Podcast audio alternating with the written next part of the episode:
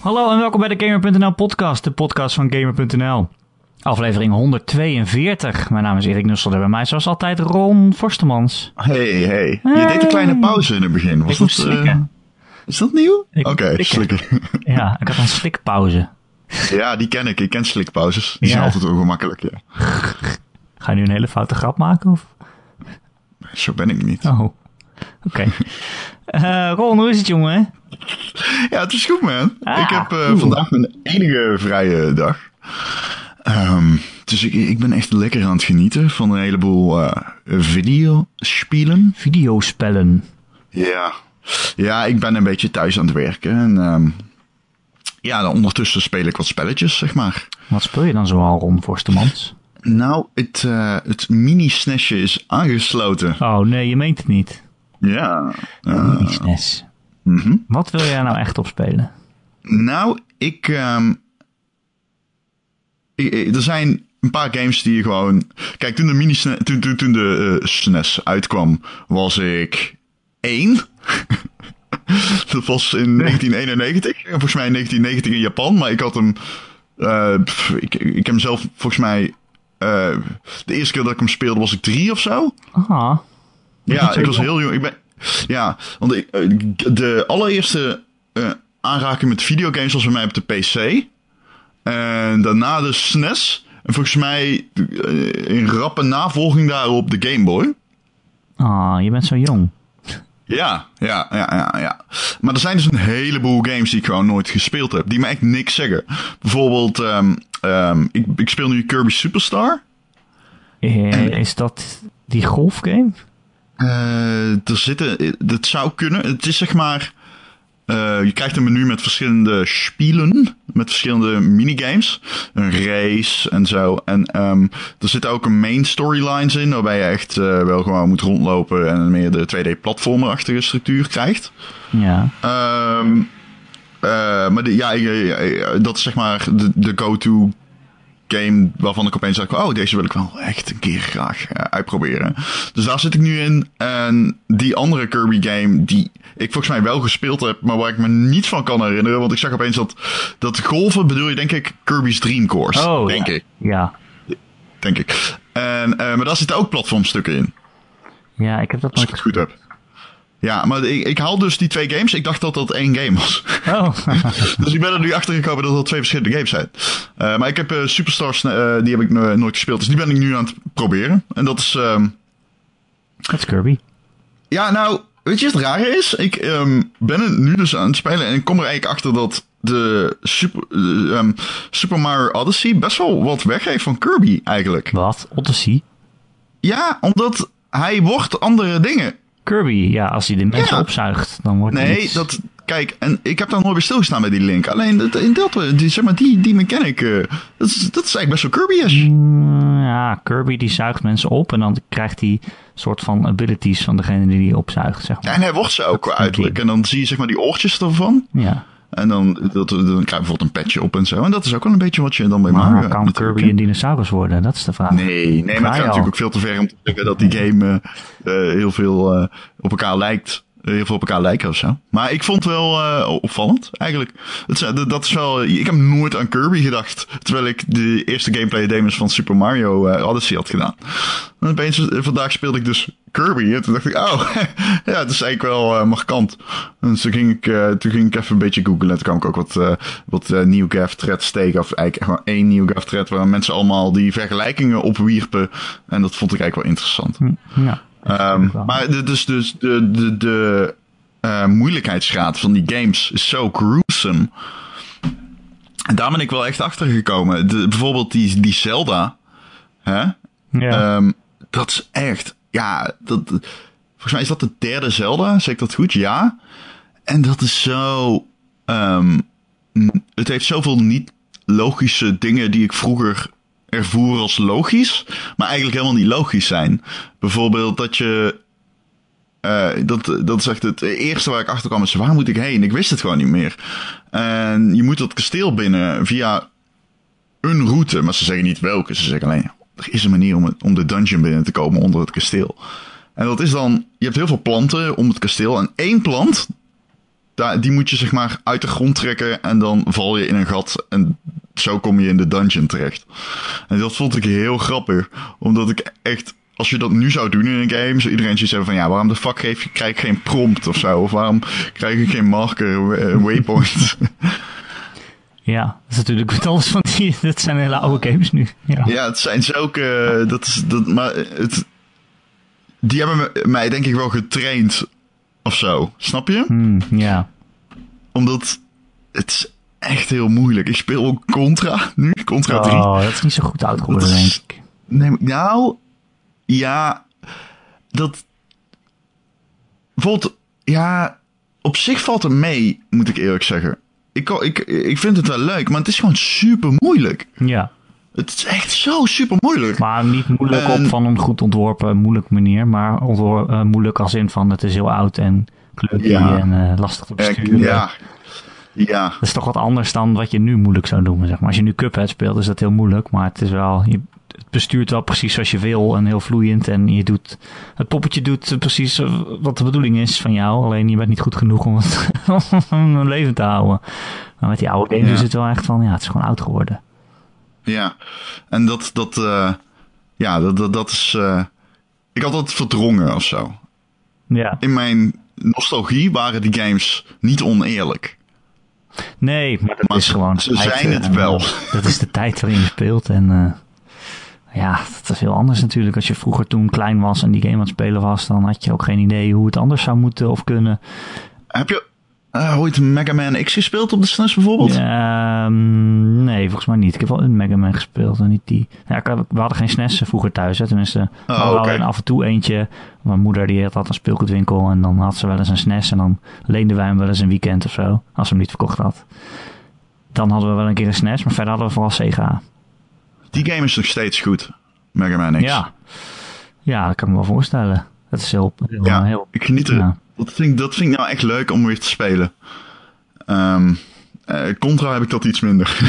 en beide games zijn moeilijk. Ik bedoel, Ja, maar Mega Man is meer precies. Ja, dat is meer op die manier wat ik zeg van het is moeilijk omdat je het helemaal precies goed moet besturen en niet omdat het zo ja, is. het platformen vindt... De, de Contra is niet echt een platform. Nee, dat is waar. Contra is echt meer een... eh, ja, het enige platform zit hem vooral in het ontwijken van die insane amount aan projectielen die tegelijkertijd het, eh, het scherm vullen. Ja. Ja. Maar het ziet er wel heel mooi uit, vind ik, nog steeds. Oh ja.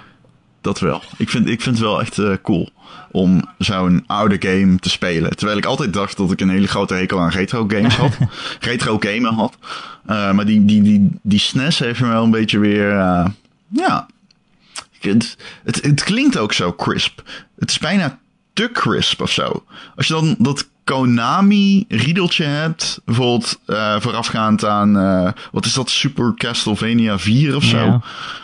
En dan echt, dan, dan hoor je zo en dat is meteen van, oh ja, shit. ik was er helemaal vergeten dat dat, eh, dat, dat, dat, dat dat erin zat of zo. Ja, ja. En dat brengt je meteen terug. En dan kom je er ook achter, oh ja, dat was bij iedere game net weer iets anders. En ja, bij mij staat het opgeslagen ergens in de achterkant van mijn hersenen of ergens. eh, Het is een neurologisch patroon dat ik echt gewoon tien jaar lang niet heb aangetikt. En opeens wordt alles weer getriggerd. Zeker tijdens die Zelda. Holy shit. Dat vond ik echt fantastisch. Om wakker te worden in het huisje. En dan Ja. Princess Zelda in die dungeon. En dan denk je echt van, oh, holy shit. Hoe, ik heb hier zo lang niet aan gedacht. Eh, het is net alsof je opeens 20 jaar na dato eh, ergens een, eh, een lade open trekt aan herinneringen, snap je? Ja. Echt heel tof. Dat, dat eh, is een charme dat ik eigenlijk niet wist dat ik dat cool kon vinden, maar die mini-SNES ehm, vind ik nu al daarom een toffe aankoop geweest. Ik was heel sceptisch eigenlijk toen ik er wat gekocht op mezelf. Ik dacht echt van, ja, waarom heb je dit gedaan? Het is een gimmick. Alleen, het is het, het is het eigenlijk nu al niet meer. Dat vind ik wel tof. Ik ga ook zeker die NES kopen. Ik heb met de NES heb ik nou ja, mm, daar heb ik echt weinig. ja, daar heb ik echt weinig mee eigenlijk. Alleen, ehm, ja, volgens mij heb ik er wel meermaals op gespeeld vroeger bij mijn eh, maatje Frans.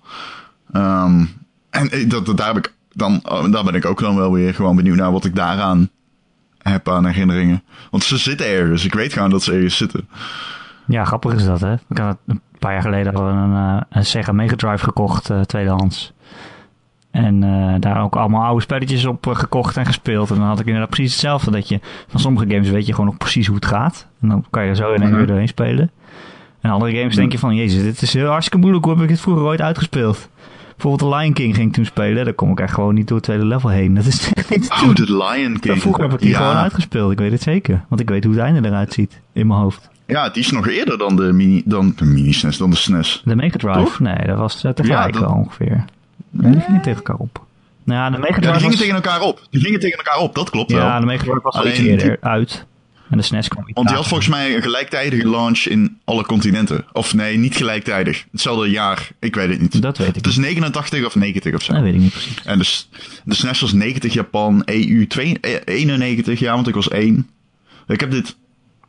Ik heb dit... Nou goed, fuck it. In ieder geval... ehm, ja, Ja, grappig. Ik vertelde toch laat dat ik laatst dat, dat eh, ik dat boek had gelezen. Console Wars over Sega versus Nintendo. ja, ja, ja. Ja, dat is echt... Dat Ik ga het dus- even opzoeken trouwens. Ja, dat gaat precies hierover. Dat, is- dat de, toen de Mega Drive uitkwam, toen hebben ze gewoon... Sega heeft, heeft gewoon één of twee jaar gehad dat ze het beter deden dan Nintendo in Amerika. Eh, dat was echt ongehoord op dat moment, maar... Ja, Hij was moment, twee eh, jaar eerder. Ja, maar wat ik zei klopte niet helemaal. Hij kwam tegelijkertijd eh, uit eh, eh, eh, in Japan. Nee, nee, wat ik zeg klopt niet. Hij kwam uit in 1988. Dat is twee jaar eerder dan de SNES. Alleen dat is dan in dan de Japanse release data. En hij kwam in 1990 als PAL, dus in Europa. En eh, Noord-Amerika was hij een jaar eerder. Dus 1989. Nou ja. Dus dan zit er toch drie jaar, dan zit er toch twee, drie jaar voor, afhankelijk van welk continent eh, je zat. Het is ook een beetje lastig vaak om dat soort dingen te zeggen, want release data bestonden in die tijd toch niet voor games. Dat was gewoon, Nee. games kwamen gewoon uit op een moment, in een bepaalde window. Dan moest jij maar naar de winkel gaan om te vragen of ze hem eh, al hadden, zeg maar.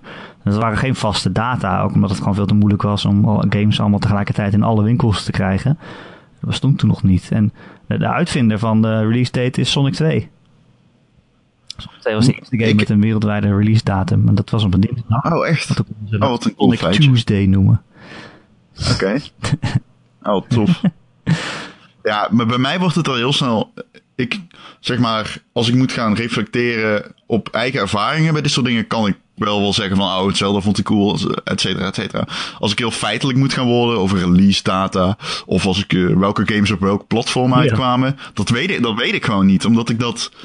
Dat zou ik later opgezocht moeten hebben op Wikipedia of ergens op eh, release data sites. Omdat het gewoon één grote weerwar aan herinneringen gemengd met nostalgie, gemengd met dingen die je misschien zelf hebt bijverzonnen Ja, is, weet je wel. eh, toen je zo klein was, kreeg je ook niet dingen op de release datum. Nee, maar ik merk wel, oudere journalisten hebben dat nog wel. Kijk, er zijn ook mensen die kregen een Mega Drive of een Genesis. Hier daar ga je al. Ik zeg Mega Drive of een Genesis, dat is dezelfde console. Ja. En die. eh, Ehm, maar die kregen een, een SNES of een, of een, of een Mega Drive. Ehm, en toen zaten ze op school. Ja, ik, Ja. Wij zaten nog in de wieg, ik zat ik. op school toen ik een Mega Drive had, ja. Ja. Nee, dus ik heb eigenlijk pas vijf jaar na data met dato, na release, echt met mensen gehad over de SNES Jij games. gewoon een beetje achter. die, die, die we toen speelden. Dat weet ik nog wel. Dat was wel op de basisschool, maar dat was wel over de SNES. De eerste echte console waarbij ik zeg maar eh, magazines aan het lezen was. En dat, dan ging ik naar de bibliotheek, kocht ik een Power Unlimited, knipte ik eh, de namen uit van de games die ik wilde hebben. en dat was de PlayStation 1 bij mij. Oh ja, ja, ja. ja. En, de, en de, de Nintendo 64, maar die had ik niet. Ja. Nou, ik had altijd, ik heb twee oudere broers, dus eh, die liepen natuurlijk wat voor en die hadden dan dingen en dan keek ik mee of ik ging dan ook zelf spelen een beetje. Maar dat helpt wel om eh, ja, met dat soort dingen meer te weten, omdat zij gewoon wat ouder waren dan ik. Wat is de allereerste game die jij ooit hebt uitgespeeld? Uitgespeeld? Ja? Jezus, heb echt geen idee. Eh, misschien iets van, eh, ik denk eh, Monkey Island of zo? Oeh. Zou goed kunnen. Ja, weet je wat, ook allemaal games op de Amiga of zo, die... Dat zijn niet echt verhalende games waarbij je echt een einde hebt dan. Nee, oké. De allereerste game die ik ooit heb uitgespeeld was Teenage Mutant Ninja Turtles Fall of the Wow. Foot Clan op de Game Boy. Awesome. ja. Er zijn ook, er zijn ook geruchten dat ze nu een Game Boy Mini gaan maken. Hè? Ja. Um, kijk, dat is dus. Dat, dat, ja. Dat, die voel ik. Die voel ik heel erg. Oh ja. Ja, nee, want. Om één reden. En dat is Pokémon. Oh ja, Pokémon. Kijk, ik weet natuurlijk niet welke generatie ze pakken. Ja, mijn, een van Game mijn Boy, favoriete consoles aller tijden is de, eh, de Game Boy Advance. Vanwege hoe mooi die was. De graphics waren toen zo mooi. Voor de, ja, ik weet het, ik was tien of zo, denk ik. Dus klopt dat wat ik zeg? Hoe, dan moet ik ook weer googlen, man. dan moet ik ook weer... Even wachten. Game Ik weet wel Boy wel- Advance Release. Wat ik heel erg weet is die Game Boy. Op een gegeven moment kwam de Game Boy Advance SP Ja, uit. En ik was- een, een backlight. 11 was ik. Hij kwam in eh 22, 22 juni 2001, dus ik was 11. 2001 nu, dus toen was ik al 17. Ja. Maar dat was de eerste 32-bit Game Boy eh, ding, volgens mij. 2001? Klopt dat? Ja, dat klopt. Kan toch niet? De Game Boy Advance 2001. Nee, klopt. Ja, Wauw, hè? ja, het was de eerste handheld met een 32-bits processor. In 2003 werd een vernieuwde versie, de Game Boy Advance SP, op de markt gebracht. Dat is wat ik net zeg. Die weet ik nog heel goed. Want die had zo'n backlight. En dat kon je Ja, eigenlijk die kon je openklappen, toch? Klopt dat? Ja, dat was zo'n eh, zo'n Ja. vierkantje. Met een, Ik- een klepje. Ik heb, ik heb die ook één. En, en dan in de, in de, de NES-editie. Met eh, die rode is cool. Ja, die was heel was ik al best wel oud toen eigenlijk. Ja, ja, jij was... 18 of zo. Ja, ja, ik was toen 11. Damn. Ah, bon. Ja. Holy shit, maar dat is wel apart eigenlijk, hè? Dat je... Want nu... Ja, het is heel raar om daarop terug te kijken. Voor mij. Omdat ik zat toen niet... Ik keek toen heel anders dan games dan nu natuurlijk. Je bent 11. Maar je hecht evenveel waarde aan je mening of zo. Dus ik weet nog, bijvoorbeeld, ik speelde vroeger op de PlayStation eh, een game op de PlayStation 1. Die heette Space Jam. En ik was steeds fan van eh, Space Jam Space Jam. als kind. En in mijn gedachten was dat een superleuke game. Maar in de praktijk was die fucking ruk. Ik heb een keer opgezocht hoe net cijfers te kreeg. En eh, ja, echt eh, van die, van die van OPM, Official PlayStation Magazine, kreeg die een, een, een 4 volgens mij of zo. Jezus. En mijn gedachten was dat echt een superleuke game. Dus ja. Ja, als het alles is wat je hebt, dan hè? Ja. weet je ook niet beter. Goh, jezus, ik zie nou hoeveel die vroeger- Advance verkocht heeft, hè. Veel. Veel. Fucking hell. Jezus Christus. 81,5 miljoen keer verkocht wereldwijd. Zo. Jezus. Zo, de groeten, hè. Ik wil een Jezus. PlayStation eh, 3 of een Xbox. Wat denk je dat het best verkochte spel is van de GBA? Ja, die kun je trouwens wel raden. Eh, ik heb geen Ja, idee. geraden. Pokémon? Ja, tuurlijk. Ruby en Sapphire. ja, ja. Leuk. Maar ze gaan geen GBA maken, denk ik. Ze gaan denk ik voor zo'n Game Boy Color, denk ik. Ja, of ze doen iets met alle drie in elkaar of zo. Game Boy, Game Boy Color, Game Boy Ja. Advance, gewoon eh, in één dingetje. Welke Game Boy game zou jij nog willen spelen? Je mag tot een Advance. Oh, ja, van Game Boy zou ik zeggen Link's Awakening. Mhm. Ja? Ja. Of Tetris gewoon, ja, Tetris is altijd goed. Jeetje. Nee, ja, of die Pokémon games, die zou ik ook nog wel willen spelen, ja. Die zijn natuurlijk wel eh, opnieuw uitgekomen, geloof ik. Hmm, Four Swords is die... Dat is een nieuwere. Die is veel nieuwer. Toch? ja, die is nieuwer, ja. Die is dat 3DS eh, volgens mij, of niet? Nee, nee, nee. Oh nee, Four Swords Adventures. Er is ook een zoeken. 3DS. Four Swords Adventures is een Nintendo game van de Nintendo Gamecube. Een game Ja. werd in 2005 uitgebracht. Hm. Dat is een Gamecube versie, maar er was ook een handheld versie. En die kon je dan aan elkaar... eh, Oh, dat was toch? het. Dat was het. Je kon spelen met de Advance als controller. Ja, nu ja, weet ik het dat weer. ja. Daarom denk ik aan de Advance als ik aan die game denk. Dat klopt. Oh shit, dat had ik ook helemaal vergeten. Oh fuck man, dat was best wel cool. Eh, ja, alleen heeft iemand dat ooit echt gebruikt, denk je? Nee, nee, dat denk ik niet. Ja, ik heb het gedaan. Ik heb het 100% gedaan. Volgens mij moest je die kabels ook nog importeren ook. Van dat grapje. Ja, je had vier van die kabels dan nodig. Als je met vier wilde spelen. Ja, met al die kleine linkjes. ja, ja, ja. Oh, dat was een goede game hoor, hè. Jezus. Maar er is toch wel een Four Swords voor de, voor de Game Boy Advance? Eh, dat durf ik niet te zeggen. kreeg je volgens mij als je, Het zou als je A Link to the Past voor de Game Boy Advance kocht. Mm, ja, ik heb het over die adventures wel, maar... Ja, het zal wel kunnen.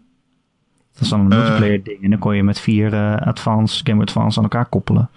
Oh, dat klopt. Maar die, dat was niet adventures. Dat was gewoon voor Swords. was gewoon Four Swords, ja. Ja. precies. Ja, Die zat in een bundel met eh, Link to the Past. ja. Ja, ja, ja, ja, ja. Die kwam toen uit tijdens een anniversary ding of zo van de Game Boy. Of nee, van Zelda, volgens mij. Ja, zo was het. Zo was het. Maar dat was maar een klein dingetje dat erbij zat. Het was geen Ja. volwaardige game volgens mij. Het was een multiplayer dingetje. Ja, dat was een eh, hele korte multiplayer game, was dat. Ja. Ja, klopt. Klopt, ja. Ah, leuk hè, retro games. Nou, dat is dus het ding. Ik wist niet dat het in mij zat om een retro gamer te zijn. Omdat ik heb eens ooit PlayStation, ga- een avondje PlayStation games Ja, dat eh, is toch- gespeeld. en dan speel je Dat bijvoorbeeld oud. Ja, maar dan speel je Twisted... eh, precies, dan, ja. Dan speel je Twisted Metal 2 bijvoorbeeld. Op de PlayStation 1. En ehm, ik weet nog dat ik terugdacht aan die game. Ik weet nog, toen ik die game speelde, dacht ik dat alles mogelijk was. Dan had je zo'n level waarin je de een map... ehm, dat is een multiplayer game voor, voor, wie het niet weet. Een Twisted Metal speel je met raceauto's. En eh, die raceauto's hebben raketten en eh, speciale abilities. Een soort van Destruction Derby, maar dan eh, door de straten van Parijs. In, in het geval van die map. En je kon ook de Eiffeltoren opblazen en die viel dan op andere gebouwen. En zo kon je via de Eiffeltoren over de daken weer ehm, verder racen en schieten en knallen en doen. En ik vond dat super tof natuurlijk. Want als kind denk je dan, holy shit, je kunt gewoon de Eiffeltoren opblazen. Alles kan in deze game. dus in mijn gedachten, als je niet weet hoe zeg maar, game design werkt, zoals je toen eigenlijk niet wist, hè, eh, dan denk je meteen als je de Eiffeltoren op kan blazen, dan kun je ook alle gebouwen opblazen. En de straat en eh, de, de, de riolering, weet je wel. En dus in mijn gedachten was alles mogelijk in die game. En zo heb ik dat ook onthouden. En ik ging die game spelen, jaren later, op een avondje. En A, het was super lelijk. Echt waanzinnig lelijk. Ehm B, niets was Je kon inderdaad de Eiffeltoren opblazen. In mijn gedachten moest je dat helemaal zelf uitzoeken hoe je dat moest, moest doen. In de praktijk stond er gewoon, leg hier die dynamiet neer en je blaast de Eiffeltoren op. Ehm, dus ja, dat soort dingen, ehm, die, die, die maken leuk, maar ook teleurstellend. Maar dat heeft mij toen in beseffen dat ik misschien geen retro gamer was. Totdat ik nou deze SNES heb gekregen. En ik echt, eh, ja, gewoon echt eh, met een smile van een brede grijns al de shit aan het spelen ben. Ja, cool. nee, ik heb toch altijd, weet je, ik denk het is wel leuk om zo'n oud spel nog een keer te spelen, maar in die tijd, ik heb al niet zo heel veel game tijd, en dan ga ik toch Nee. iets nieuws spelen. Kijk, als ik Het zijn deze tijd- dagen. nou Ja, als ik heel veel vrije tijd had, dan zou ik misschien eh, dat Nee. vaker doen. Dat is zo. Het zijn deze dagen waarop je, zeg maar, ben een beetje thuis aan het werken. En af en toe heb ik er genoeg van en dan zet ik gewoon dat ding aan. Ja, En dan, ehm, dan speel ik even lekker een uurtje. En dan ga ik weer even, ah, dan ga ik weer even achter mijn laptop zitten. En dan kruip ik weer op de, de, de bank om de, even te gamen. Dat is wel lekker hoor. ja, is ook zo. Ik snap het wel. Maar dan pak ik toch liever gewoon even mijn Switch of zo. eh, ja. Ja, ik, eh, ik daarover gesproken. De vorige keer hadden we het over Golf Story. En daarin zei ik dat je dat. Weet je nog dat we het hadden over die meter? En dat ik zei, ja, maar je, je kunt ook eh curveballs slaan. Ja, Jij noemt dat anders. dat kan ook ik zei, nou, niet ja, dat kan ook, maar ik heb het echt, je had gewoon gelijk. eh, Ja. Die meter is helemaal niet over. Het gaat alleen om hoe hard je slaat, inderdaad. Ik had die, Ja. ik snapte die meter en hoe niet raak je helemaal. slaat ook. Maar goed. Wat zei je? Sorry? Oh, en hoe raak je slaat ook. Zeg maar de Ja, de, Ja. de, de- ja, maar in ieder geval drie klikjes zet je inderdaad. En ja. Net zoals in Mario Golf. Heb je hem uitgespeeld? Hij is lang. Hij is lang, hè? Ja, wel vijf is echt lang. of zo. Ik ben nu in de vijfde wereld. Nou, het zijn er acht. Ja. Ja. Ja. Schiet op. Ehm Ron, iets anders. De hele gamewereld staat eh, een beetje op zijn kop door eh, microtransactions. En dan met name door eh, lootboxen. We hebben het natuurlijk al gehad over Middle-earth Shadow of War, die gewoon ja, een singleplayer game met lootboxen. En eh, afgelopen week was eh, de beta van eh, Star Wars Battlefield 2. Eh Battlefront, hè? Battlefield? Battlefront 2. Battlefront. Ja. Ik haal het door elkaar, die twee. Die Star ik Wars heb gespeeld 2. trouwens. Heb je die gespeeld? Ja, ja, ja. Best veel. Oh, ja. Ja, maar daar kunnen we het misschien later over het straks hebben. over hebben, want ik ging net nou over de lootboxen beginnen. Want daar zitten dus ja, ook ja, lootboxen sorry. in. Ja, daarom. Eh, en niet alleen met cosmetische dingetjes, maar ja, in die lootboxes krijg je dan ook de, de, de star, nee, hoe heet het? De boost cards, star cards. Eh, Ja, je krijgt... dingen- eh, je hebt card, card sets in die game. Die had je ook al in de eerste game. En die gebruik je om je personage nieuwe gear te geven. Ja, alleen was het in de eerste game volgens mij nog niet zo dat je ze zo in een random lootbox kreeg die je ook met echt geld kan kopen. Nee, daarin zat je gebonden aan levels. Dus hoe meer je speelde, des te eerder je iets vrij speelde. Ja.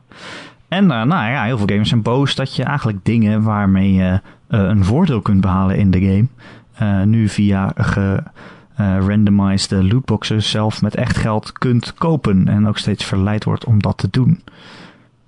ja, het lijkt wel een beetje het seizoen van de lootboxen, Ron. Ja. Ja, wat vind Ja, je klopt. ervan? Ehm, ik heb eh, wel wat te zeggen over lootboxes. Ehm, laten we even beginnen met een andere game met lootboxes. Dat is, want dan kan ik even uit eigen ervaring praten. Er is een nieuw Overwatch-event. Overwatch. Overwatch Halloween eh, event eh, voor de tweede keer. En nieuwe skins, die zijn super vet. Echt, ze zijn zo super cool, die nieuwe skins. Heb je ze gezien trouwens? Ja, ik vind die Zenyatta cool, die eruit ziet als een, zo'n, eh, hoe heet die, die Monster from the Deep of zo. Ja, hij ziet er een beetje uit als, eh, hoe heet dat ook alweer? Van die, die guy die uh, xenofoob, wien, fuck die schrijver. Xenofoob? Ja, weet die guy nou, die bekend staat om zijn... Oh, je bedoelt Cthulhu. Ja, juist, Lovecraft. Cthulhu. Dank u, dank u, dank u. Juist, Ja, Lovecraft. het is volgens mij een verwijzing naar, ja, wat zei ik nou net? Eh, nou ja, De Kraken, een beetje. Ja, Hij lijkt een beetje op de Kraken. ja, hij is creepy. Ehm ehm, ja. Eh, ehm, maar goed, eh, Overwatch dus, heeft, eh, Activision heeft bekendgemaakt hoeveel het heeft verdiend aan in-game content sales in 2016. Dat is een veelvoud aan games natuurlijk, want dat betekent dus ook dat Call of Duty punten erbij zitten. Maar ook de Overwatch lootboxes dus, een leuke koppeling. Ehm 3,6 miljard in 2016. Ja. Mhm, mhm, mhm. En dat linkje wil ik dus even gebruiken om. eh kijk, mijn grote vriend Daniel Amat, ZUHX op eh, Twitter, heeft het hier eh, over gehad. En eh, ik heb ook dat eh, onderzoek van eh, Nico gelezen hierover. En dat kost 8 dollar of zo. En dat is super interessant. Eh, zo is een Aziatische, zeg maar, i- industrie-analyst. En eh, wat daar een beetje naar voren komt is, nou, waarom zijn zoveel games op dit moment uitgerust met een lootbox systeem? Een DLC, season passes, microtransactions en nu dus heel vaak lootboxes. Waarom is dat? En eigenlijk om het dan even gewoon te versimplificeren, eh, games kosten nog steeds 60 dollar, 70 euro. Zeg maar 60 euro, 70 dollar, hè, zoiets. Eh, afhankelijk van eh, welk platform en zo. Ehm, maar het is veel duurder geworden om eh, een, een game te maken dan in voorgaande jaren. Maar de prijzen zijn in al die jaren eigenlijk hetzelfde gebleven. gebleven. ja, eigenlijk gedaald dus, als je inflatie. Ehm, als je inflatie meetelt, eigenlijk gedaald. Inderdaad, dat klopt. Ja, ja, ja, ja. ja. En ehm, dat betekent dat het om break-even te zijn als uitgever-ontwikkelaar. Eh, in 2007, ja, eh, 2 miljoen keer verkocht je game en dan was je break-even. Nu moet je echt meermaals dat bedrag aantikken om zo'n grote productie die soms als je extrapoleert eh, vanuit, zeg maar, in 2006 kostte het ongeveer 10 miljoen. Nu is dat niet ondenkbaar dat een game gewoon 80 miljoen dollar kost om te maken. Ehm, dus je moet meermaals die sales van vroeger evenaren met hetzelfde basisbedrag dat je betaalt. En dus gaan mensen kijken naar een andere manier dan eh, alleen eh, zeg maar gameverkoop om geld te verdienen. Buiten gameverkoop om geld te verdienen. En dan zie je dus dat games als services een heel logische manier is om dat te doen. En het heeft best lang geduurd voor wij gewend zijn geraakt aan, aan DLC en season passes. En voor sommige games werkt die structuur nog steeds. Ehm, maar ja, add-on content kun je ook kijken naar eh, lootboxes als een goede manier. Ehm, en zo, wa- wat, wat, zeg maar, als je kijkt naar monetization, zien veel devs dat lootboxes een goede manier zijn om bovenop free content updates te gooien en het zo terug te verdienen omdat lootboxes, die kun je cosmetisch gebruiken. Die zijn van weinig invloed op de balans in een game. En blijkbaar zijn mensen heel erg eh, gereed om ook in lootboxes te investeren. Dat zie je bijvoorbeeld aan Overwatch. En dat vind ik dus een hele interessante theorie. Of eigenlijk een, het is een hele interessante analyse. Want dat betekent dat games zonder dat model eigenlijk niet meer rendabel zouden zijn. Maar dat is niet zo. het- Er zijn nog heel veel spellen die geen eh, microtransactions hebben en die ook gewoon nog uit de kosten komen natuurlijk.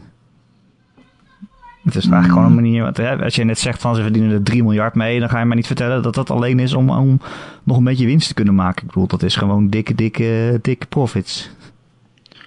Maar hoe bedoel je precies dan? Nou ja, jij Ehm, zegt ze moeten wel, want anders eh, wordt het te duur Sommige om een game te games, maken. Sommige games hebben dat nodig. Omdat sommige games services zijn.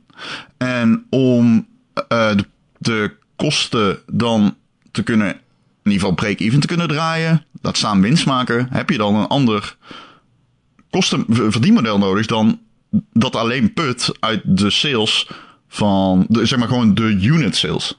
Ja, maar ik wil maar zeggen dat als je daar 3 miljard mee verdient, dat dat niet Mhm. alleen maar was om uit de kosten te kunnen komen. Hè? Dat is dan 3 miljard bovenop ook nog gewoon de 60 euro's die we betaald hebben voor de games.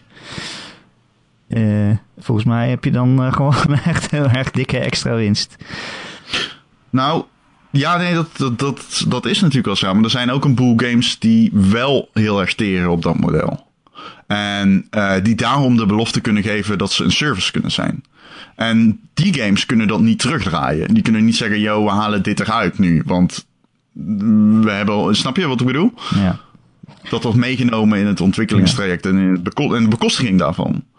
En wat ik daar alleen maar mee wil zeggen is dat de opkomst van dit soort games, van dit soort tendensen, niet per se in je face wordt geduwd. Het is meer zo dat ontwikkelaars zien dat mensen bereid zijn om ervoor te betalen. En daarom komen ze. Ja, je moet het niet zeggen als. Ik, ik wil zeggen, daarom komen ze ermee weg. Maar meer als in, daarom zit het erin. Omdat het dus blijkbaar gewoon een manier van monetization is die werkt. En die mensen niet meer afschrikt. Nee, ik snap het argument, alleen eh, ik vind het niet zo fijn om, eh, of ja, niet zo nuttig om zo vanuit een bedrijf te denken en de argumenten te zien, maar ik denk liever vanuit de consument, hè, vanaf, vanuit gewoon Mhm. de, ga- de gamer die aan het gamen is en ineens allemaal microtransactions in een game heeft waar hij al 60 euro voor betaald heeft. En dan denk ik, ja, ja dat, is nou, dat is niet echt de bedoeling. En bovendien die lootboxes, die vind ik, ik vind dat toch wel echt smerig hoor. Dat, dat, dat je zo'n lootbox koopt en dat je niet weet wat erin zit. Je weet niet wat je koopt. En dan eh, maken ze dus dingen eh, ja, extra zeldzaam. Eh, en dan denk je de hele tijd, shit, ik wil zo'n legendary ding, een legendary skin. Of ik wil een Halloween skin van Overwatch. En dan ja, word je eigenlijk steeds maar aangemoedigd of aangespoord. Zonder dat de game dat echt doet, maar gewoon door van, van die zeldzame dingen aan te bieden, word je gewoon aangespoord om steeds maar weer lootboxes te kopen. En ik vind dat toch Ja. een beetje smerig of zo. Daar, daar ben ik het helemaal mee eens. Er wordt ook smerige psychologie gebruikt daarin. Bijvoorbeeld Dota, die dan laat zien van... hé, hey, zo zou je karakter eruit zien als je wel dit hoedje hebt. Mhm. Is dat niet badass? Misschien moet je toch maar even Ja. een creditcard trekken. Maar ook bij dat zijn natuurlijk dingen eh, waar zijn die... Bij Overwatch hebben hebben ze Overwatch. ook in een, in een interview gezegd van... ja, we hebben geprobeerd het openen van een lootbox zo leuk mogelijk te maken. En je bouwt een beetje spanning op. Je moet de X-knop een tijdje inhouden, zodat het nog leuk is. Hij gloeit een beetje en dan springt het allemaal de lucht in. En dan denk je, wow, ik zie iets paars. Wat zou het zijn? Weet je, dat hele, die hele opbouw naar iets uitpakken is ook al gewoon... om eh, die rush, die roest die je voelt... eh, als je iets nieuws krijgt, een beloningje krijgt... om dat alleen maar op te bouwen. Hm. En eh, ja, ik weet niet. Ze doen alles om dat zo, zoveel mogelijk uit te spelen. Om jou over te halen om er nog meer geld in te pompen. Ja. En bovendien, om- ja, bovendien mikken ze ook niet op, op jou en mij, die misschien één keer voor 2 euro twee lootboxes koopt. Maar eh, net zoals bij mobiele games mikken ze op de whales. Gewoon de mensen die zich bijna niet in kunnen houden en 1000 euro in zo'n game pompen. ja, daar mikken ze Ja. op. En dat, zijn, dat is gewoon een beetje het aanspreken van een gok, gokverslaving bijna. Ehm, ja, mijn punt is denk ik, want we- dat heb ik niet helemaal kunnen maken. Kijk, er is niets mis met een publisher laten weten van ik ga jouw game niet kopen, omdat de manier hoe jij die monetization, monetization toepast, eh, die vind ik kut. Ehm, want die is af en toe ook heel erg kut. Alleen, eh, op dit moment zien eh, eh, AAA publishers, zeg maar, zoals Activision en Blizzard, die dus 3,6 miljard aan in-game content eh, zien binnenstromen. Die eh, hoeven niks te veranderen, omdat zeg maar de verdiensten aan microtransacties veel groter zijn dan de eh, negatieve feedback. Snap je? Ja. Die wegen niet meer tegen elkaar op. En dat. Ik, niet alle lootboxes zijn slecht, zeg maar, vind ik. Want ehm, het idee is niet altijd kut. Ehm, veel vaker vind ik ze wel kut. Uh, maar op dit moment wordt er gewoon heel veel content toegevoegd op manieren die misschien gemeen zijn, maar waar de consument ook weer redelijk voor open staat. Zo blijkt dan. Ja, ik weet niet. Ik, ik, ik neig er steeds meer naar om te zeggen dat, dat ik lootboxes bijna altijd wel slecht vind. Inderdaad, om wat ik zeg, omdat het gewoon een soort van gokverslaving aanspreekt. En, en juist die mensen die zichzelf niet kunnen helpen. Ik heb liever dat als je iets cosmetisch wil, dat je dan gewoon uh, kunt zeggen: Ik wil dit hoedje kopen. Dat er niet een, soort van willekeurige kans achter zit, waardoor je maar blijft uh, waardoor je maar aan die fruitautomaat blijft hengelen, weet je wel.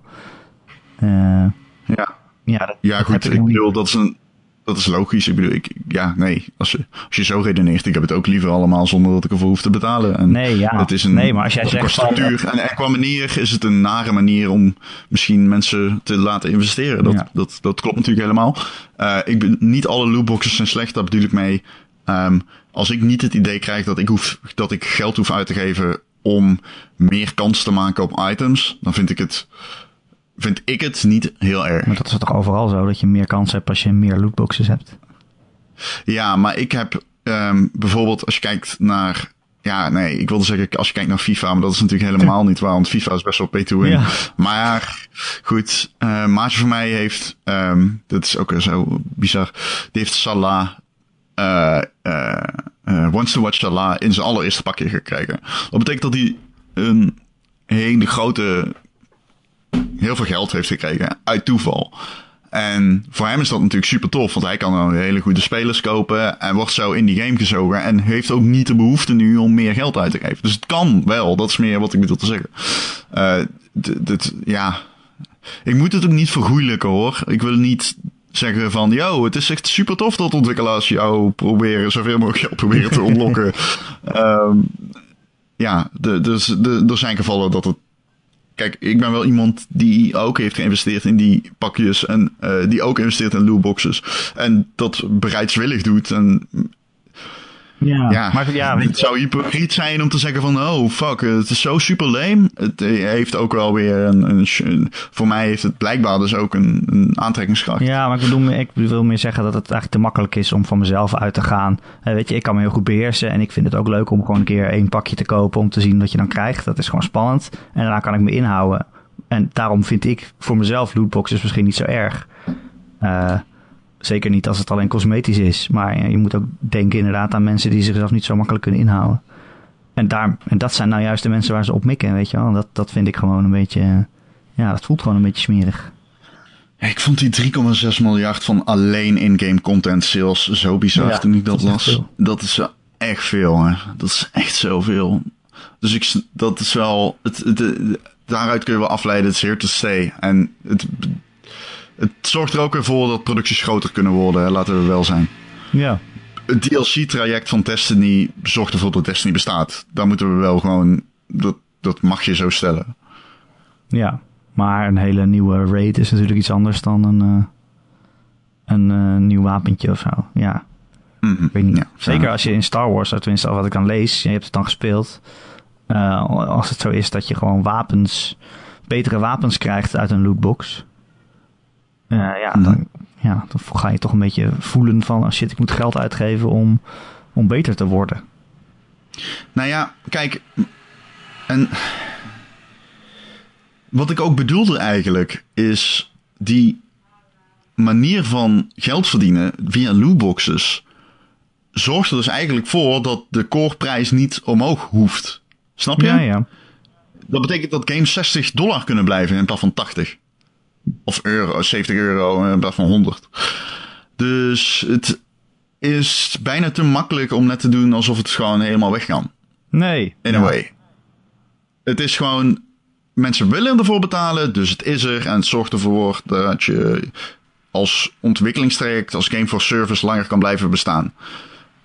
Eh, dus, dus dat is ergens, is het niet alleen maar kommer en kwel, maar we moeten absoluut die shit blijven veroordelen soms is het gewoon vals, gemeen. En wij zijn ervoor om dan aan de bel te trekken en te zeggen: Yo, deze shit kan echt niet. Ik heb het ooit gedaan in Forza. Volgens mij Forza Motorsport 5 op de Xbox One. Die had een contentmodel waarbij je nieuwe wagens alleen kon unlocken door meer te spelen. Eh, maar het ging zo traag dat op een gegeven moment moest je wel gaan investeren. Ehm, ik heb het ook in de Voetbal International review van FIFA 18 gezet bij FUT. Bij, over FIFA Ultimate Tournament. Van, nee, het wordt wel heel erg pay to win. Ultimate Team is het toch? Ultimate Team, ja. FIFA Ultimate Team. Ehm, dus dat, afkorting is FUT. Eh, ja, en de, de, de- dus het kan heel smerig zijn. Het kan heel Ja, smerig het zijn. Cosmetisch ja. vind ik hetzelfde erg. Ja, dat is ook zo. Maar ja, het is meer glijdende schaal, denk ik. Want vroeger zeiden we, een paar jaar geleden zeiden we ook van... ja, ze moeten uit de kosten komen, dus ze verkopen hoedjes of, eh, of pan- panzers of weet ik veel wat. En nu zit er al haast een soort van fruitautomaat in... om je eh, eh, maar geld uit te la- blijven laten geven, weet je wel. Ja, waar gaat dat dan heen, vraag ik me dan af. Waar gaat het heen, ja. ja. Waar gaat het heen? Nou, als je Shadow of ehm, War, Middle-earth Shadow of War, als ik de recensies mag geloven, ehm, dan is het, eh, het- die, die- dat model met die chests eh, wel eh, te doen. Het is allemaal niet zo erg erg. Want bosses droppen hele goede loot. En ehm, dus je kunt die chests prima skippen, heb ik Ja. begrepen. Ja, wat ik begrijp is dat, dat je de game er makkelijk mee uit kan spelen, maar dat je nadat je hem uit hebt gespeeld, een soort van andere modus krijgt waarin het een soort van tower defense wordt of zo, waarin je forten steeds weer over worden genomen en dat het dan wel echt een soort van meer grinder wordt of zo. En dat je dan eerder in de verleiding komt om een chest te kopen Oh, oké. Dat, met eh, nieuwe orks. Nou, zo had ik het nog niet eens begrepen. Ik begreep alleen van iemand die zei... Nee, meerdere, bijvoorbeeld Kotaku en eh, GameSpot schrijven... Als je hem speelt... Wij hebben niet één keer de behoefte gehad om iets te kopen. Nee, Als je hem uitspeelt. Tijdens het, voordat je hem uitspeelt, in ieder geval. ja, nou dat is in ieder geval fijn. Ja. Ja, ze zeiden zelf ook van, het gaat vooral voor mensen die geen tijd hebben om onze game uit te spelen en ze willen wat content skippen. Dan kunnen ze betalen om, om eh, een soort van kortere weg te nemen. ja, zo raar dat je denkt, ja, betaal 60 euro om je game te spelen, moet ik extra betalen om hem niet te spelen. Dat is natuurlijk heel raar. Ja, wat, ja, het is toch, je moet toch aan je geld komen. Zo blijkt allemaal Ja. weer. Oh, daarover gesproken trouwens. Daarover gesproken. De vorige week, we kregen wat interne kritiek op de Gamer.nl Slack. Ik had gezegd dat, eh nou, ik heb het even teruggeluisterd. Het ging over die PlayStation sales versus de Xbox One sales.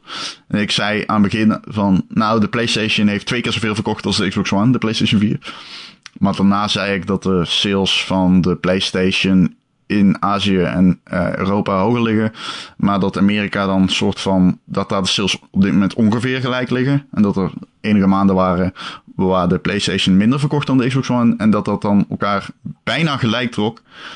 En Simon zei tegen mij, ja bijna, wat, dat is niet waar. Nou goed, ik bedoel daarmee te zeggen, kijk, ik zeg ook gewoon van, het is twee keer zo hoog. Althans, er zijn geen exacte cijfers. Dit is allemaal een beetje hè, aftasten. PlayStation wint dik. Maar PlayStation Dat wordt wel verkocht. Dat, dat moet wel duidelijk zijn, want ik, het is niet mijn bedoeling om wel maar wat eh, loze feitjes de wereld in te slingeren. Nee. Als we dan toch bezig zijn, ik zei vorige week Project Dark, terwijl het Perfect Dark is. Ja, maar ja, goed, ja, dat kan Het is wat, hè. gebeuren. Nou, wat erg. hè. Dat kan gebeuren. Ja, het is, ook, het is een mooie, het is even, Ja. als ik jou ga onder, het is best moeilijk als je erover nadenkt. Oh, wij zitten hier, we hebben al 140 afleveringen gehad. Jezus. Ja, en soms Nou, dan, maar het is wel echt zo, hè. Soms dan praat je jezelf voorbij. Snap je wat ik bedoel? Dan Ja. wil je het interessant houden, alleen dan is het ook moeilijk om het, om jezelf, om, het is, je hebt, ik begin, bijvoorbeeld heel erg begin ik mij, mij op te vallen dat ik gewoon stokpaardjes heb. er zijn bepaalde dingen waar ik Wat dan? altijd op terugval.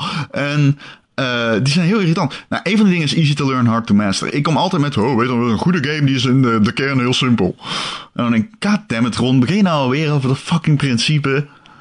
Het is wel zo. Maar je, ga, je wilt ook eens een keer weer iets anders zeggen. En ja, ik, het is moeilijk om dit interessant te houden zonder dat je jezelf voorbij praat. Je gaat op een gegeven moment toch over dingen praten waar je misschien minder verstand van hebt of waar je niet helemaal in zit. Weet je wel? misschien. Nou ja, ja, misschien dan. Eh, ja, maar eh, de kracht van herhaling moet je ook niet vergeten. Hè, Dat is zeker waar. Ja. Eh, het is een mooie gamejaar tot nu toe, Ron. En er komen nog een paar mooie maanden aan. Ja. Eh, het is bijvoorbeeld bijna Mario-tijd. Ja. Twee weekjes. En dan komt Mario uit. De eerste reviews zijn er al rond. Perfecte 10 van eh, Edge. ja, een perfecte team van Edge. Ik, ja. Edge. Ja, ik weet nooit wat ik daarmee aan moet. Toch goed teken, hè? Ze Ja, ja, kunnen zeggen, shit. Tegenblad overigens. Het mooiste gameblad ter wereld. Ook Ja. altijd als ik bij de Bruna ben, koop ik een Edge. Altijd. Echt? Ja, altijd. Altijd als ik er ben en ik zie die cover en denk oh, wat is toch ook een gelikt blad. Eh, maar, Mario, heb je er nog zin in? Ja, dit is mijn... Een van de... Ik heb nog nooit zo erg op een game gewacht als deze game, denk ik. ja, het komt gewoon omdat ik ehm, die game gespeeld heb. En ik had heel erg... Natuurlijk weet je dat die goed werd, wordt. ehm, maar ik had ook heel erg van, oh my god, ik wil door blijven spelen. En dat gaat natuurlijk niet dan als je eh, op de E3 staat en je moet weg van zo'n gamepot. Ja. Maar ja, het is. Het was zo ontzettend leuk hoe die. Om.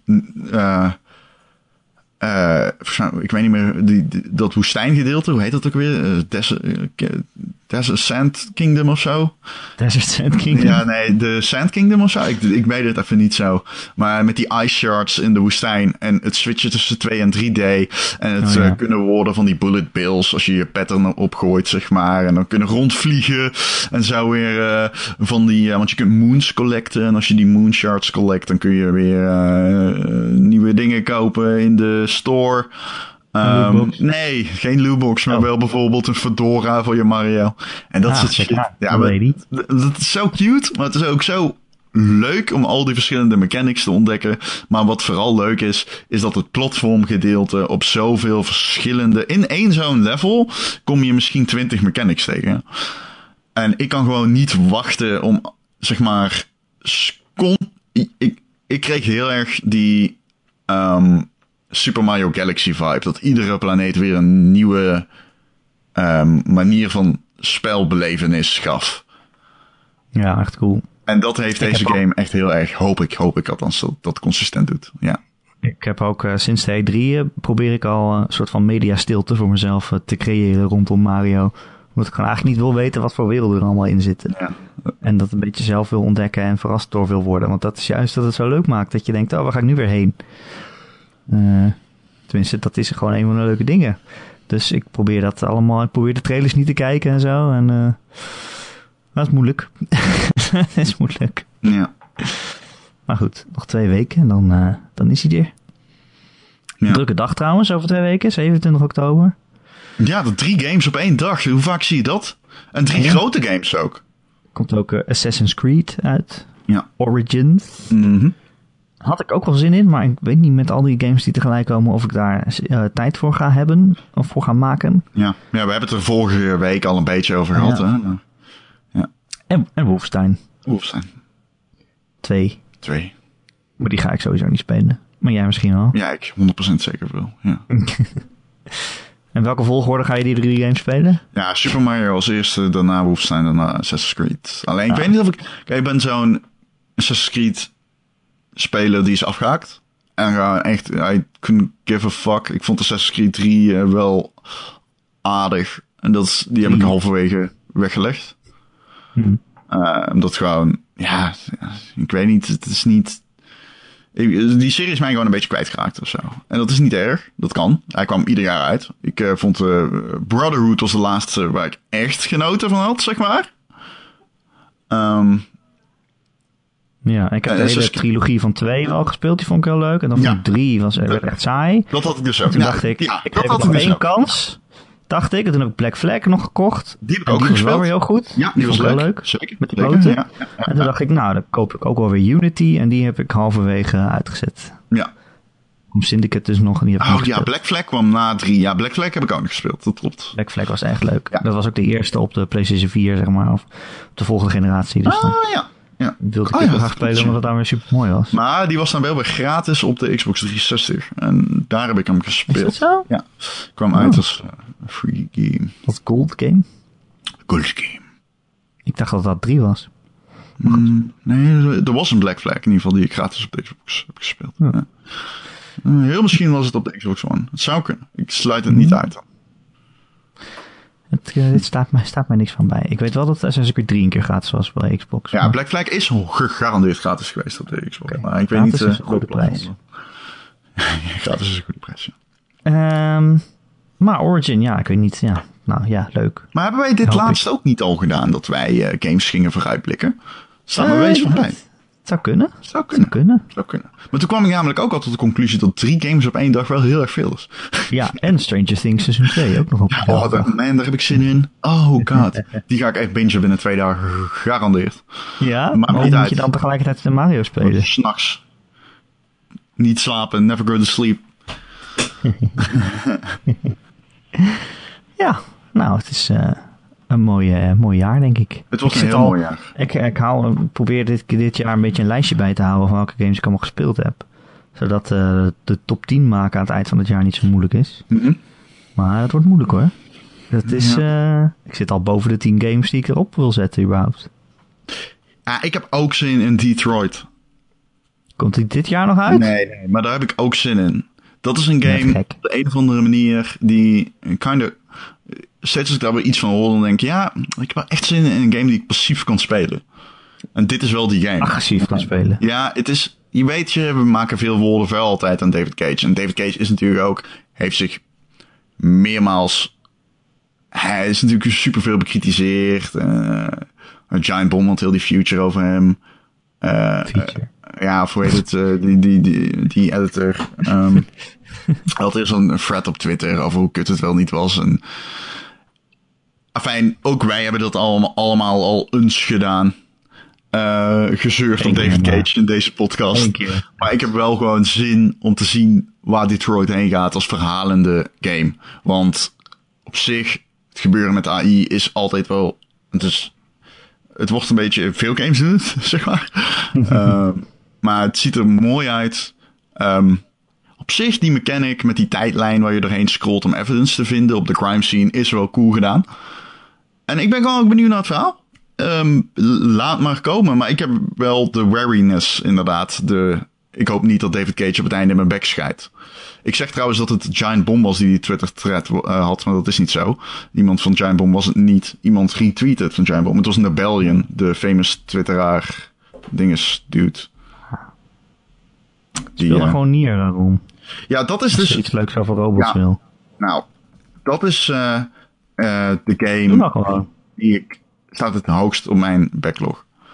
Dat is ook denk ik de enige game die ik wel echt nog moet spelen voor mijn top 5 lijstje aan het einde van het jaar aan deze podcast. Want als ik die niet heb gespeeld, doe ik dat lijstje tekort, denk ik. Want ik weet gega- gegarandeerd zeker dat hij erin zou komen.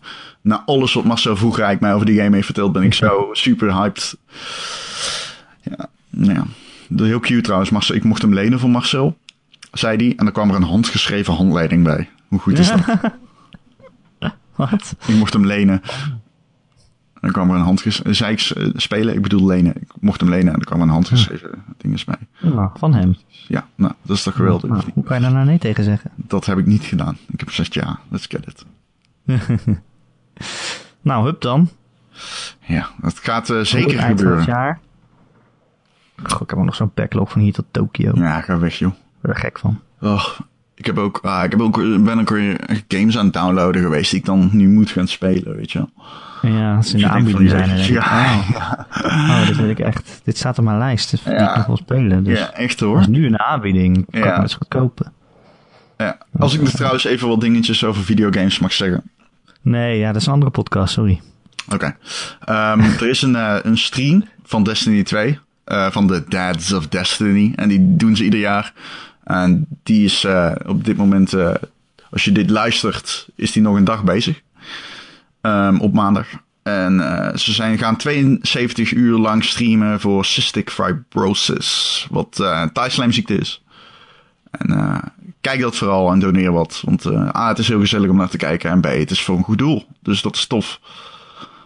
En ehm, als ik nog iets mag zeggen. Schoot me net opeens te bidden toen we het hadden over eh, microtransactions. Er zijn natuurlijk games die leunen erop. eh, zoals Fortnite. Die zich verder gewoon compleet free-to-play zijn. En Fortnite Battle Royale, die modus, die PlayerUnknown Battlegrounds modus, dat is toch wel echt een, geval apart. Hè? Want ehm, die, die is nu twee weken uit en al 10 miljoen spelers hebben zich op de servers gemeld. In twee weken tijd. Weet je. 10 Ja, miljoen? 10 miljoen. Daarmee is het, eh, Zo groot, daarmee is het de snelst groeiende eh, free-to-play game op PC en consoles ooit.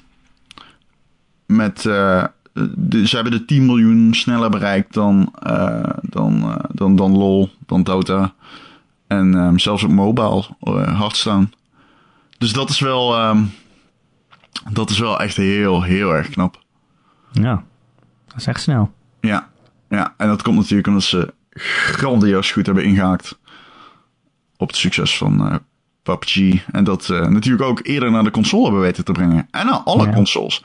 Want eh, Microsoft, na verluid, schijnt dan intern te zijn gelekt dat ze die tot 2000, hal- medio 2018 exclusief willen houden op de Xbox, PUBG. Ehm, dus dat zou dan ook nog wel markant zijn. Ja. De afzet op de PlayStation is natuurlijk groter. Dus daarmee doet eh, Blue Hole zichzelf ook weer een beetje tekort. Maar ja, goed, er zal een grote zak geld. eh, ja. ja, er zal een grote zak geld op een bureau liggen daar inderdaad. Eh, dus ik weet niet hoe gauwig ze daarover moeten zijn. Maar Fortnite doet het dus geweldig.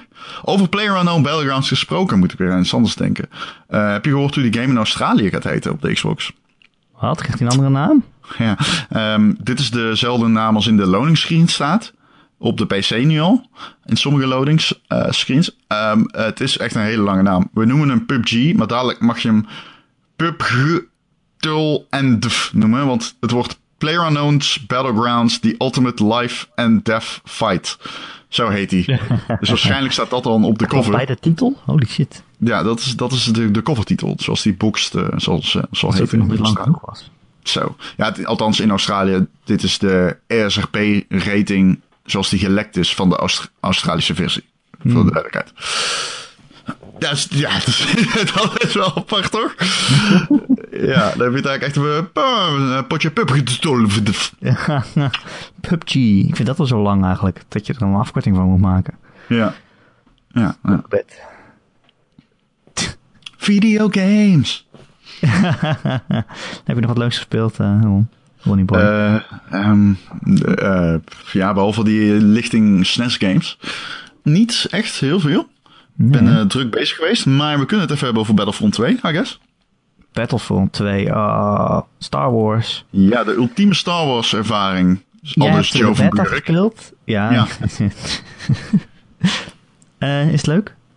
Is het Ehm, ja, ik vind de space battles leuker dan de battles op de grond. ja? Ja, ik, ik blijf... Die game is toch... ehm, lijkt qua... Er zitten heel veel dingen in die beter zijn gedaan dan in de eerste game. Bijvoorbeeld hoe je in een squad samenwerkt. En ehm, hoe je je... ehm, hoe je personages wordt. Bijvoorbeeld eerst kon je power-ups op het speelveld oppikken. En dan werd je Han Solo. En nu moet je gewoon 3000 punten halen. En dan kun je respawnen als Han Solo. Dus dan is het minder van... Nee, we gaan met z'n allen wachten tot er ergens een power-ups Ja. eh, spant op, het, op de map. Dat is wel beter gedaan. Eh, je hebt dus van attack-defense modus weer. Net zoals in de eerste. eh, die, die, die, die, die, die, die hoofdmodus online, zeg maar. Eh, waar je een klein verhaaltje hebt. Een kleine structuur om te volgen. Hè, met eh, knelpunten die steeds opschuiven. Dan wel worden tegengehouden. Eh, met een attacking en defending team. En dat is tof. Dat is echt leuk om te doen. Ehm, maar het ding is alleen, als je dat een paar keer hebt gedaan, is dat niet, dan is dat niet meer anders dan een potje team damage. Snap je? Omdat Ja, ja. ehm, het zo grootschalig is dat het heel moeilijk is om als individu het verschil te maken in 32 tegen 32. Ja. Het is te groot om echt te overzien of zo. Ja, en het is niet zo'n hele leuke shooter. Oh. Het is gewoon Nee? niet. Nee, als, kijk, als je kijkt naar knallen, impact van de wapens. Het is iets beter, vind ik, dan in de eerste. Bijvoorbeeld de sniper is iets leuker dan in de eerste. Iets meer feedback en zo. Alleen het is niet echt een goede shooter. Een schietspel dat voelt als een game met een militaire feel. Kijk, van Call of Duty kun je zeggen wat je wilt. Maar die wapens zijn zelfs als ze laserwapens zijn, voorzien van een militaire feel. Een echt dat je echt van, weet je wel? Terugslag en zo. En dat had Battlefront niet en dat heeft het nog steeds niet echt. Eh, je hebt niet het gevoel dat je echt aan het knallen bent. Het is meer, ik schiet, ik richt op iemand en ik zie hem naar de grond gaan. En dat vind ik jammer. Ehm, dat maakt het voor mij aardig, maar qua houdbaarheid niet zo aardig als een andere, als, als een normale Battlefield bijvoorbeeld. Als Battlefield 4 of zo. Ehm, of 1, die ik nu weer herspeel, omdat hij die HDR-modus heeft. Eén of one? Uh, one, dus ja. ja. bestaat, ja, ja, Battlefield 1. Dat zou dan 1942 zijn. Oh, ja. Ja. Nee, ja. nee, precies. Dus one, ja. Uh, dat is echt, uh, dat, dat, dat is wel, um, de, ja, jammer ergens. Die, die Space Battles, fantastisch. Weergeloos. Echt super vet. Om in een X-Wing, uh, ja, je voelt je super sterk. En ja, het is gewoon zo cool om rond te vliegen in het Star Wars universum door de lucht. Uh, dat, dat, dat, dat, die feel van dat, dat snelle sturen en dan schiet je, zeg maar. Want je, op een gegeven moment moet je in, ja, ik weet even niet hoe dat, uh, dat is een heel, ja, kut, ik weet niet hoe dat, ik, ben, ik, ik blank helemaal op hoe dat Space Station heet. Maar goed, dan moet je naar binnen vliegen en uh, de kern van het Space Station kapot schieten. Dus dan moet je echt door zo'n nauwe gang heen vliegen en dan knal je op dat ding. En dan vlieg je weer eruit. En dat is ja. zo vet gedaan. Dat is zo fucking cool. Echt serieus. Het is zo super gaaf om te doen. Um, dus daar heb ik echt heel veel zin in. Ik mis wel een beetje dat. Uh, heb je ooit de oude Battlefronts gespeeld? Op de PlayStation 3 en. Nee, PlayStation 2 en de Xbox 1? Nee. Ja, dat was fantastisch. Dan stapte je echt in. Dan had je Space Station op de grond, bijvoorbeeld op een boef zo. En dan stapte je in een. Uh, in een TIE Fighter. Of in een X-Wing of whatever. En dan vloog je echt de ruimte in. Snap je? Je, je, ja, ja. je, vloog dan de ruimte in en ging daar met elkaar vechten. Maar je kon ook terugvliegen en je space en je, je X-Wing uh, in de basis van een andere, uh, de, van het andere team vliegen. En daar dan gewoon mensen neerknallen en zo. Dat was echt super cool. Ah, cool. Dat kan ja. niet in deze. Daarom was hij um, zo boos dat het de vorige Battlefront er niet in zat. Nee, nee, nee, nee. nee. Precies. Battles. Uh, nog iets. Ik had het over HDR in Battlefield 1. Dat komt die game ten goede. Die game is veel mooier. Echt, die hoge contrasten zijn fantastisch. Um, no Man's Sky, ik heb het er al eens over gehad, over die HDR-update. Dit is ongelooflijk. Die game is zo fucking mooi met HDR. No Man's Sky? Ja, ik heb drie dagen geleden... Ben, nou ja, ik, drie dagen... Nee, we gaan het er niet over hebben. Ik wil alleen oh. maar zeggen, die game onder HDR is gewoon... Dit is echt mooier dan je in iedere andere game ooit hebt meegemaakt. Dat is zo fucking mooi, omdat als je door de ruimte vliegt en je ziet al die kleuren van die planeten, van die aura, zeg maar, een soort van aura om die planeet heen, terwijl je erheen vliegt, ja, dat is gewoon, dat is gewoon porno bijna. Het is gewoon ja. visuele porno, zo mooi als dat is. Het is echt ongelooflijk. Ik, heb, ik wist niet dat HDR zo mooi kon zijn voordat ik uh, No Man's Sky had uh, gespeeld. Jammer dat het nog steeds niet zo heel erg leuk is. Ik hoor wisselende verhalen. ik, heb hem, ik, ik, ga hem niet spelen. Ik wil hem alleen even opstarten om te kijken naar de HDR en dan zet ik hem weer op. ja, dat extra verhaal of zo was wel aardig. Ja, ja. Maar is het dezelfde game waarin je steeds weer dingen verzamelt. En, ja, ik had daar gewoon niet zoveel zin in toen. Hm. Die multiplayer schijnt ook niet helemaal geweldig te zijn, want je nee, zit elkaar als op. Ja, nee, dat is gewoon nog steeds niks. Ja. Maar goed, we hebben het ook al over gehad. Ja, vreselijk. Um, ben je volgende week weer om? Ja, ik denk het wel. Weet je wat het dan is? Mm, nee. Een nieuwe aflevering van de Gamer.nl oh, podcast. Die kun je elke maandag downloaden via onze website Gamer.nl of luisteren via Soundcloud, YouTube, uh, hebben we nog meer, Stitcher, wat je maar Stitcher, wil. Uh, ja, toch? Ja, ja. Uh, iTunes, je, al je favoriete podcast apps. Al je op Android. podcast apps. En als je bij iTunes bent, vinden we het ook heel leuk als je een keer een uh, recensietje achterlaat. Een aantal sterretjes, misschien een tekstje, zodat we weer beter vindbaar zijn voor nieuwe luisteraars. En uh, ja. mensen hebben dat ook gedaan, de laatste ja, tijd. Zeker. Dus heel erg zeker. bedankt. Daar zijn we heel blij mee. Ja, we hebben vier, vier, vijf, vier, vijf sterren gekregen sinds oktober. Ja, nou ja, goed. Uh, we hebben 72 recensies. En, uh, dat is veel. Ja, het is super tof dat mensen ons vijf sterren geven. En ik, iedere keer als ik dat lees, dan moet ik glimlachen. En dan denk ik, nou, wat super cute en lief en bedankt. Geven jullie ook vijf sterren? Zeker. Heb je een vraag voor de podcast of een opmerking, kun je mij mailen. erik.gamer.nl Erik met een K. Gamer.nl of je laat gewoon een berichtje achter en de reacties. Ja, onder het artikeltje waar je deze podcast vindt op maandagochtend. En dat kan gewoon de hele week. Want uh, we kijken mee. Dus uh, geen probleem. Uh, Ron, dankjewel dat je er weer was. Dankjewel. Jij ook bedankt. Jij ik bedoel, bedankt. Uh, het is eh, altijd een genoegen om met jou eh, de podcast te doen. Nou, niet overdrijven, hè? Soms is het ook wel eens kut, zeg eerlijk. Nee hoor, met jou is het nooit kut. Eh, en eh, nou, dan eh, zie ik je volgende week weer. Tot volgende week.